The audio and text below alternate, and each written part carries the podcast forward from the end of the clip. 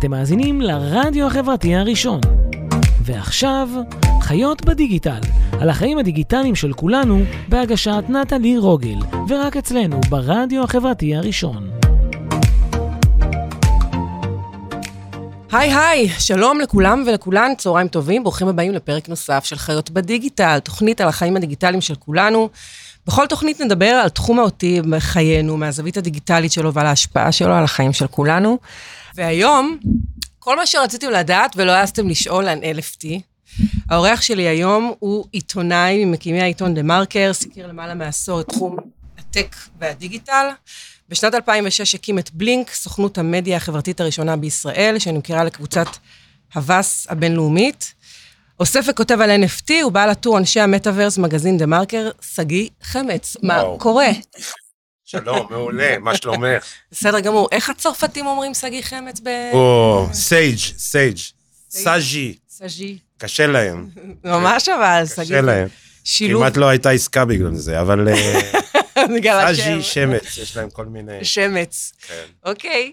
אמ, אז מה, אני, קודם כל, הדבר שהכי מעניין אותי, מה הסיפור עם הקוף? אתה יכול להסביר לי? זה לא קוף אחד, זה הרבה קופים. זה הרבה קופים, אבל. בסדר, הקוף, הקוף המקורי, יש קוף מקורי שהוא נמכר בהכי הרבה כסף, לא? אה, זה כל פעם אה, נשבר השיא, אני חושב שהיה קוף מקורי שנמכר ב-12 מיליון דולר, ועכשיו יש. קוף עוד יותר מקורי שנמכר ב-25 מיליון דולר, והכל במיליוני דולרים בענייני הקופים. מטורף. יש מאוד בגדול שני פרויקטים ראשונים שהתחילו את עולמות ה-NFT. למעשה, אם, אם נ, נ, נגיע להיסטוריה של ה-NFT המאוד לא ארוכה, שזה בערך, הייתי אומר, שנתיים, אז uh, מתחיל בחתולים ונגמר בקופים. הפרויקט הראשון, פרויקט ה-NFT הראשון נקרא קריפטו קיטיז, שזה, אין, אין הרבה דברים באינטרנט שאין בהם חתולים או שלא מתחילים נכון, בחתולים. נכון. ביוטיוב היה סרטוני חתולים, בפייסבוק אה, היו... אה, טיקטוק זה... memes עם רק חתולים. קטג- יש שם תתי קטגוריות של חתולים. בדיוק, אנחנו, אנחנו בעקבות, אומרים בעקבות הקופים, אז קודם כל החתולים, ואז באים הקופים, ואז הבני אדם, אז התחילו חתולים.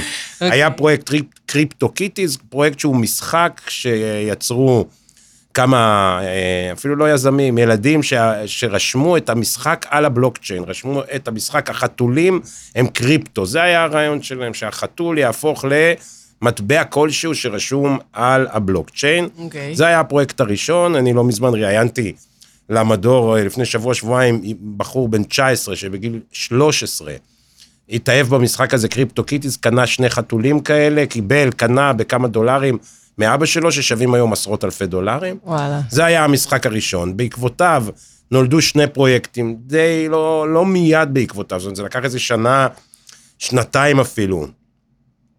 עד שנולדו עוד שני אה, סדרות כאלה של משחקים, דמויות, מה שהיום נקרא כבר קולקציות של NFT. אחד, קריפטו פאנקס, שזה אותם פאנקס, אה, דמויות מפוקסלות של אה, מה שזה לא יהיה, של אנשים. אוקיי. והשני, בורד אייפ יאכט קלאב.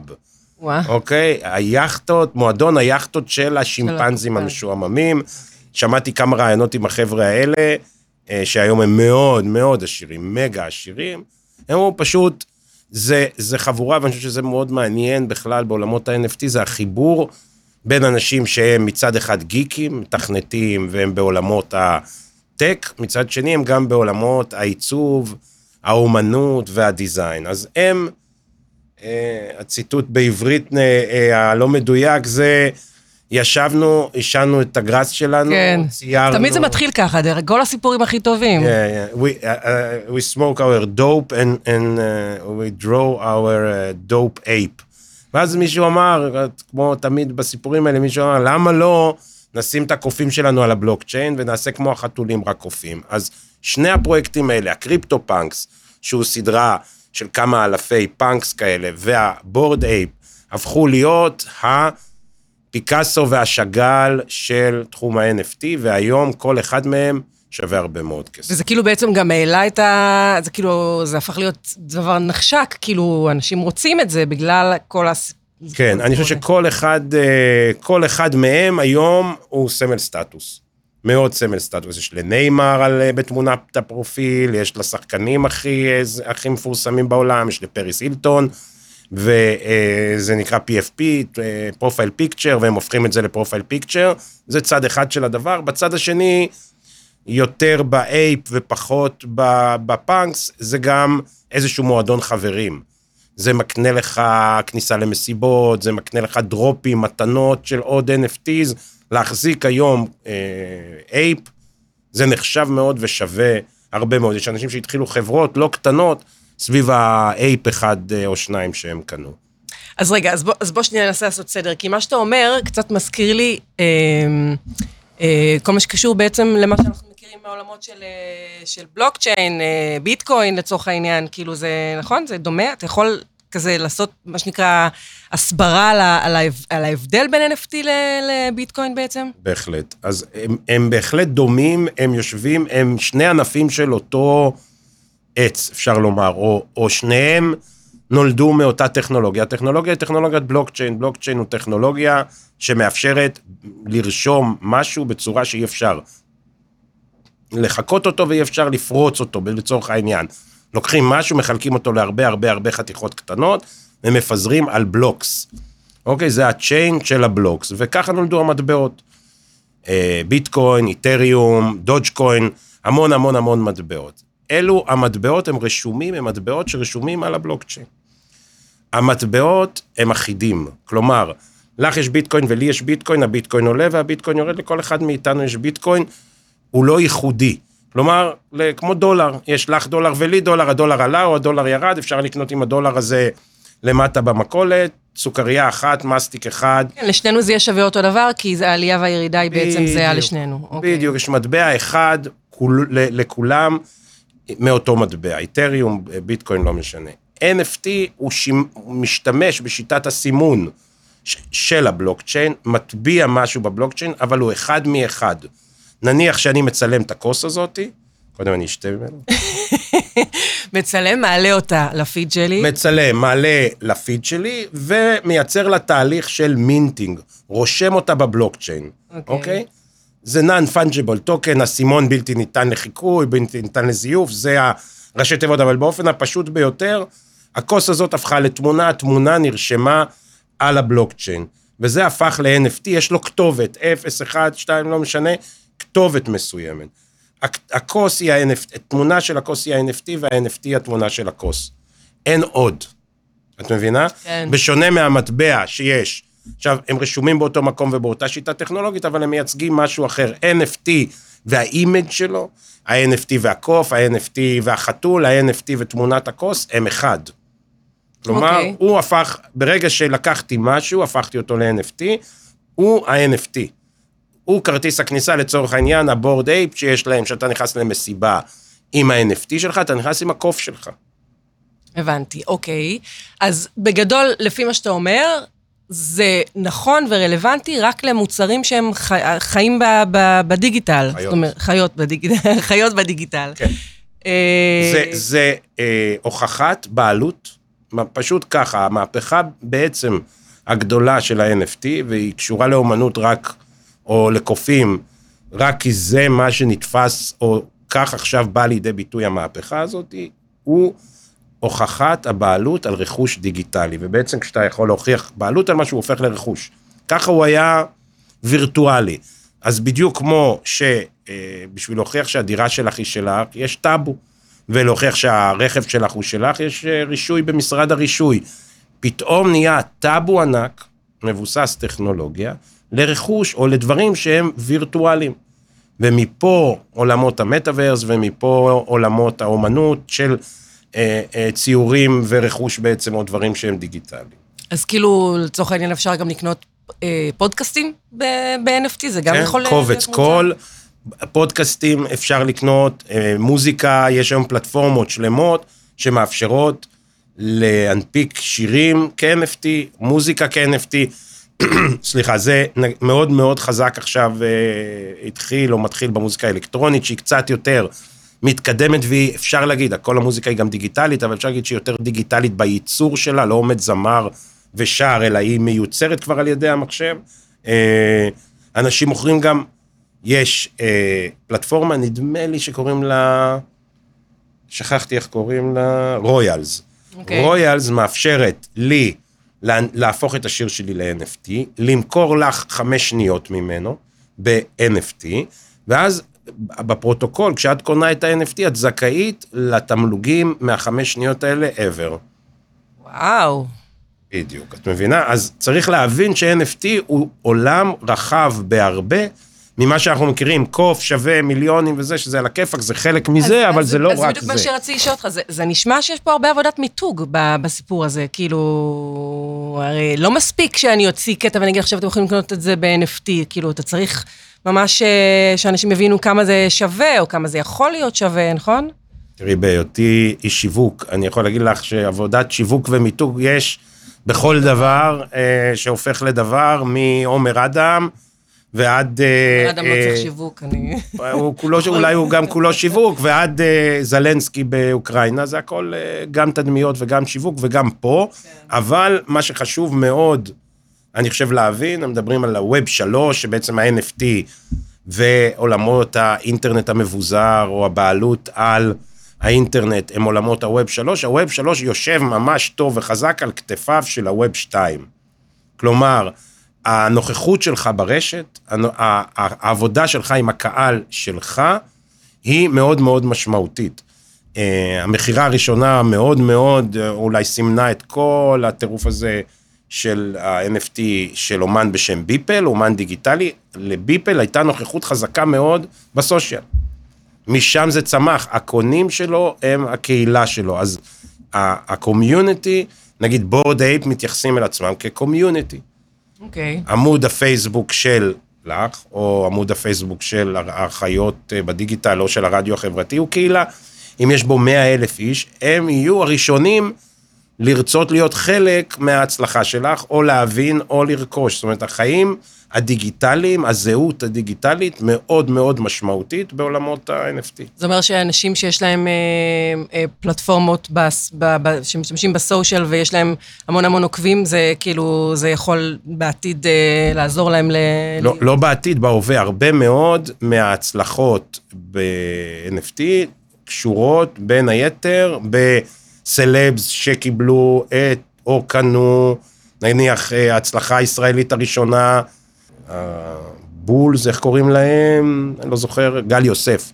אומן ישראלי מאוד מאוד מצליח ב-NFT, או לפחות מאוד הצליח, הגרף שלו התהפך ומתחיל לרדת בצורה די חדה, אבל ג'סטין ביבר קנה ממנו, או עשה איתו שיתוף פעולה בהתחלה, די.ג'יי מאוד מפורסם עשה איתו שיתוף פעולה גדול בהתחלה, וזה מה שנתן לו את ההמראה. יש ערך מאוד מאוד גדול לנוכחות שלך ולקהילה שיש סביבך, ובאופן כללי אני חושב ש-NFT הוא כלי קהילתי לפני, יותר מכל דבר אחר. הוא עוד, בעצם היה לך עמוד אינסט... היום אה, ראיתי לא מזמן ראיון עם מירי ברודנה, היא אמרה, הפסדתי הרבה מאוד קמפיינים בגלל שאין לי אינסטגרם.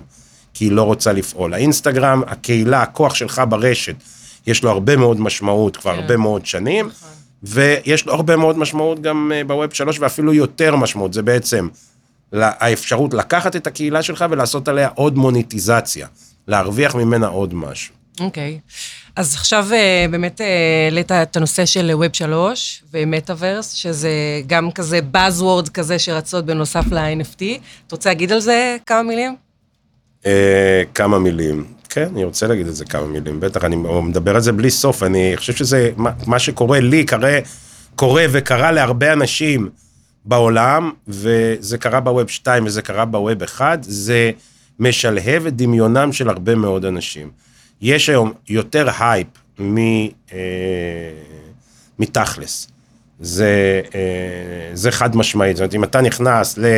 יש היום כבר כמה וכמה מטאוורסים פעילים, נניח דיסנטרלנד, הרעש סביב דיסנטרלנד הוא הרבה יותר גדול מהרעש שקורה בתוך דיסנטרלנד. הסתובבתי בתוך דיסנטרלנד והייתי בדוכן של סמסונג, במין booth יפה כזה שהם מקרינים את הזה, והייתי באיזה בר והסתובבתי והייתי די בודד, בדיזנגוף יש הרבה יותר וואלה. אנשים, כן, זה, זה עוד יותר בז מ, ממשהו, אבל יש משהו בעולם הנוסף הזה, בעולם החדש הזה, ש-unleash creativity, מוציא מאנשים הרבה מאוד מהיצירתיות שלהם ומהדמיון שלהם.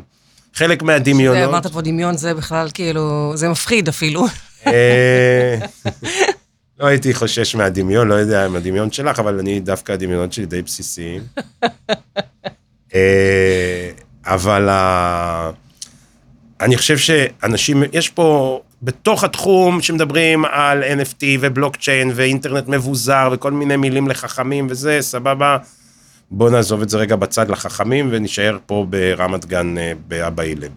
ה- זה שיהיה עוד עולם, או זה שאפשר להיות, אה, תחשבי על מה עשה לנו האינטרנט, מה עשה לנו הסושיאל, שמהרגע, איפ- איפה אנחנו נמצאים היום בהשוואה לאיפה שזה התחיל, לא, לא, וואו, כל אחד פעם היה עיתון, ורק מי שכתב בעיתון יכל לכתוב בעיתון, והיה לו, כל אחד יכול לכתוב. יאללה, כל אחד, מה כבר יש לו לכתוב? אני זוכר שהתחלתי, בלינק הייתה סוכנות מדיה חברתית ראשונה בארץ בסושיאל, אחת הראשונות בעולם, שאומרים, תגיד, מה... אנשים ילכו ויצלמו את עצמם אוכלים, זה נראה לך יצליח. זה לא רק שזה... זה אנשים ילכו ויצלמו את עצמם בחופש, כאילו, זה מוזר. כן, למה שמישהו יצפה בזה? למה שזה יעניין מישהו? יפה, ועל זה נולד גם ווייז ברמה לא נעים להגיד מסוימת. כעבור 20 שנה, כעבור 20 שנה יש כל כך הרבה דברים, מטינדר, הרבה פחות מזה, דרך אגב, כאילו, אנשים. מצלמים את עצמם עושים דברים הרבה יותר הזויים, אוקיי. אבל לא רק זה, אני מדבר על בכלל דברים שזה אפשר. בהתחלה דיברו על זה שמדינות נפלו, ובמצרים היו הפגנות בגלל הסושיאל וכולי וכולי, זה דבר אחד, ואפליקציות כמו טינדר והעולמות האלה ששינו את העולם ה dating, והעיתונים שהם היום הרבה פחות חזקים מפייסבוק, ומה שקורה עם טיק טוק לדוגמה, וכל זה יושב על ההתחלה ההיא, זאת אומרת, אתה יוזם רעיון, אתה חושב על רעיון, פייבר הוא רעיון שיושב על אה, רשת חברתית, וזה מייצר המון המון אפשרויות. אותו דבר המטאוורס, המטאוורס עולמות וירטואליים, בעצם במקום אה, לגלוש באינטרנט, לצפות באינטרנט, אתה הופך להיות חלק מהאינטרנט. מהאינטרנט. זה פותח עוד הרבה הרבה הרבה מאוד אה, רעיונות, ושמעתי על רעיונות הזויים וגם על רעיונות גאוניים. כן. אוקיי. אה, איזה פרויקט אה, מגניב אתה יכול לספר עליו? כי, אה, יש, יש כבר אה, לא מעט, אבל איזה כזה אחד אה, בולט שנתקלת בו והוא... פרויקט, איזה מהם, מטאוורס או NFT? לא, NFT. תראי, NFT, אני עכשיו רואה הרבה מאוד חיבורים בין העולם הפיזי לעולם הדיגיטלי, ואני חושב שזה מסמן עכשיו את הגל המעניין ביותר. זאת קודם כל ראיתי הרבה מאוד אומנות מעניינת מאוד ב-NFT, כאומנות. ראיתי אומנים אה, מעניינים מאוד, יש אומן, תום סאקס נדמה לי, אה, שזה, אני חושב שיכול להסביר קצת, וגם מחבר לעולמות ה physical, digital. הוא אה, גם, הוא פסל ידוע יחסית, הוא בונה טילים, טילים קטנים. כן. ומטיס אותם ל- לאטמוספירה.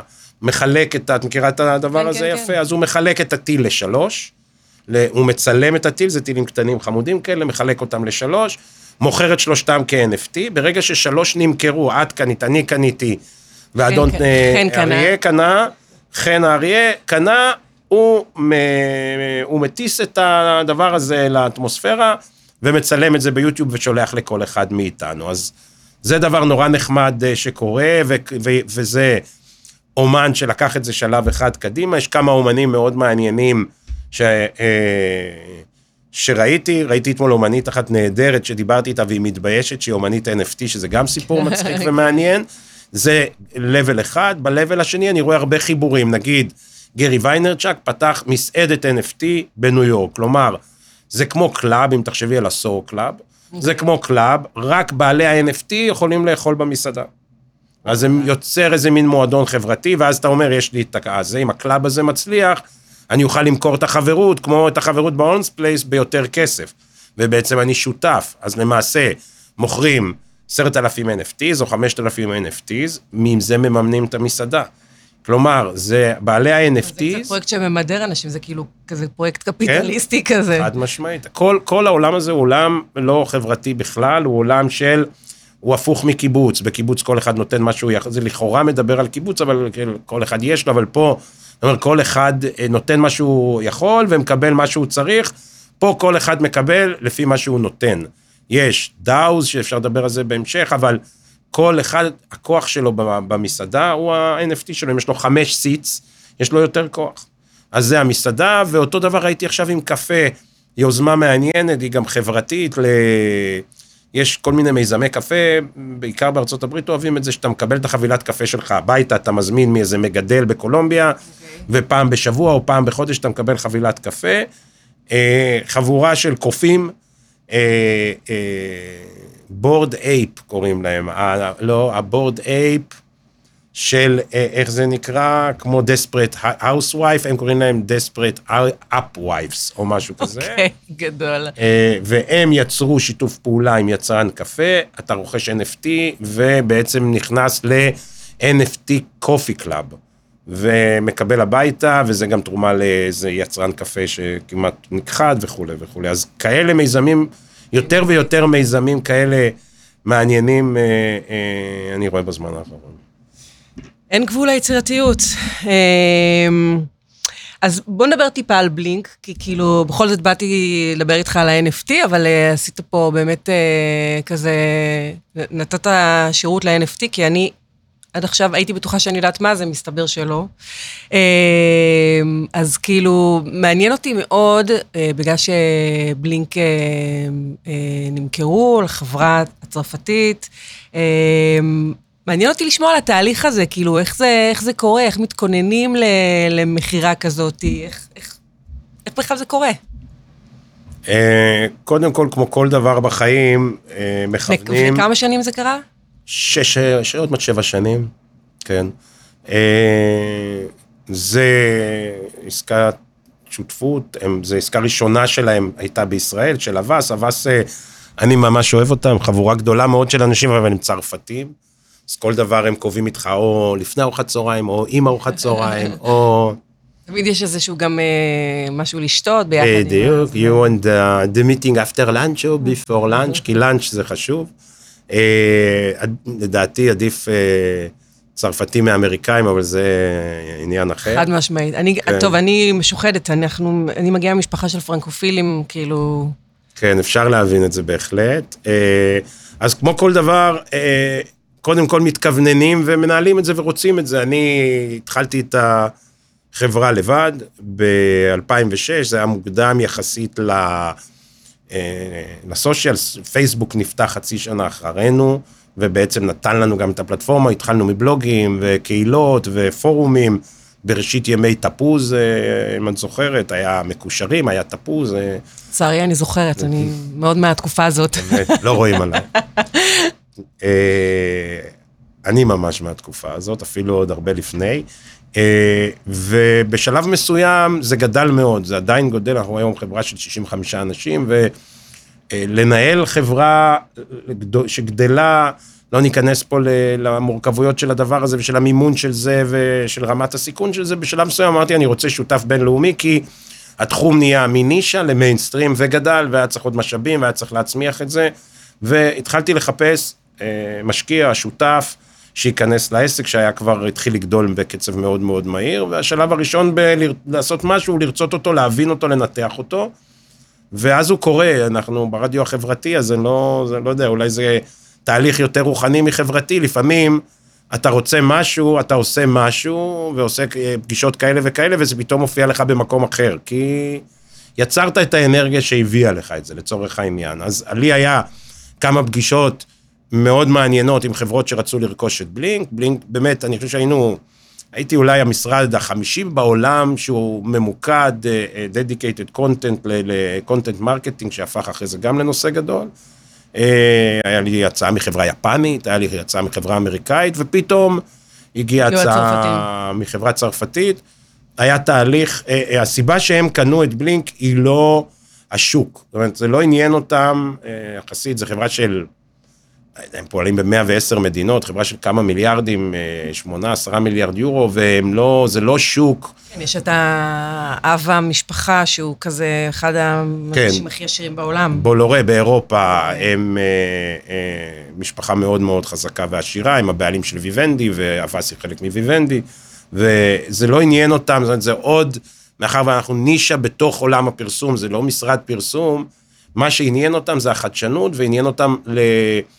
משר... בכלל, ארגונים גדולים תמיד מגיעים אחרי, תמיד אחרי היוזרים ואחרי ארגונים קטנים. את רואה את זה גם בעולמות ההייטק, אה, חברות ענקיות רוכשות סטארט-אפים בהרבה מאוד כסף, שלא מרוויחים דולר, כי הם הצליחו לפתח יותר מהר מסיסקו או מאפל, או לא משנה ממי, מפייסבוק, משהו שפייסבוק לא הצליחה לפתח. אז אותו דבר גם פה, הדיסציפלינה הזאת של שיווק באמצעות מדיה חברתית לא הייתה להם. הם נורא רצו ללמוד את זה, להבין את זה, ומאוד הרשים אותם מה שעשינו פה. אה, זהו, אז זה, זה נולד כעסקה כזאת שבלינק הייתה אמורה, לפחות בהתחלה זה הרעיון המקורי, ואחרי זה זה טיפה השתנה, להפוך למותג בינלאומי של אבס, שהוא מותג הסושיאל של אבס, ובדיעבד, מה שעשינו בסופו של דבר, עד הקורונה, זה להנביט את היכולות ואת המבנה ואת המודל של בלינק בהרבה מאוד מדינות בעולם, אז uh, הסתובבתי די הרבה, עשיתי את זה בבלגיה, בפולין, בצרפת, קצת בארצות הברית uh, ובעוד כמה מדינות, והיום יש אבס פריס סושיאל, יש אה, אבס בריסל סושיאל וכל זה, איך לא עשו את אמילי בפריז שם? אמילי, נכון. כן. כאילו, עכשיו זה מתבקש. טוב, אני, לא יודעת, אני עכשיו מרגישה שאני ממש צריכה להיות, חייבת להיות חלק מהדבר הזה, כאילו, זה ממש מרגיש... אה, בא לי, בא לי למכור משהו ב-NFT, אני לא יודעת עדיין מה, אבל אני, אני אחשוב על זה. אנחנו בעיקרון, אה, אה, זמננו תם. אני מודה לך מאוד. תודה לך, שמחתי. שהגעת לאולפן. היה כיף. אנחנו נשתמע בעוד שבועיים, תוכנית נוספת של חיות בדיגיטל.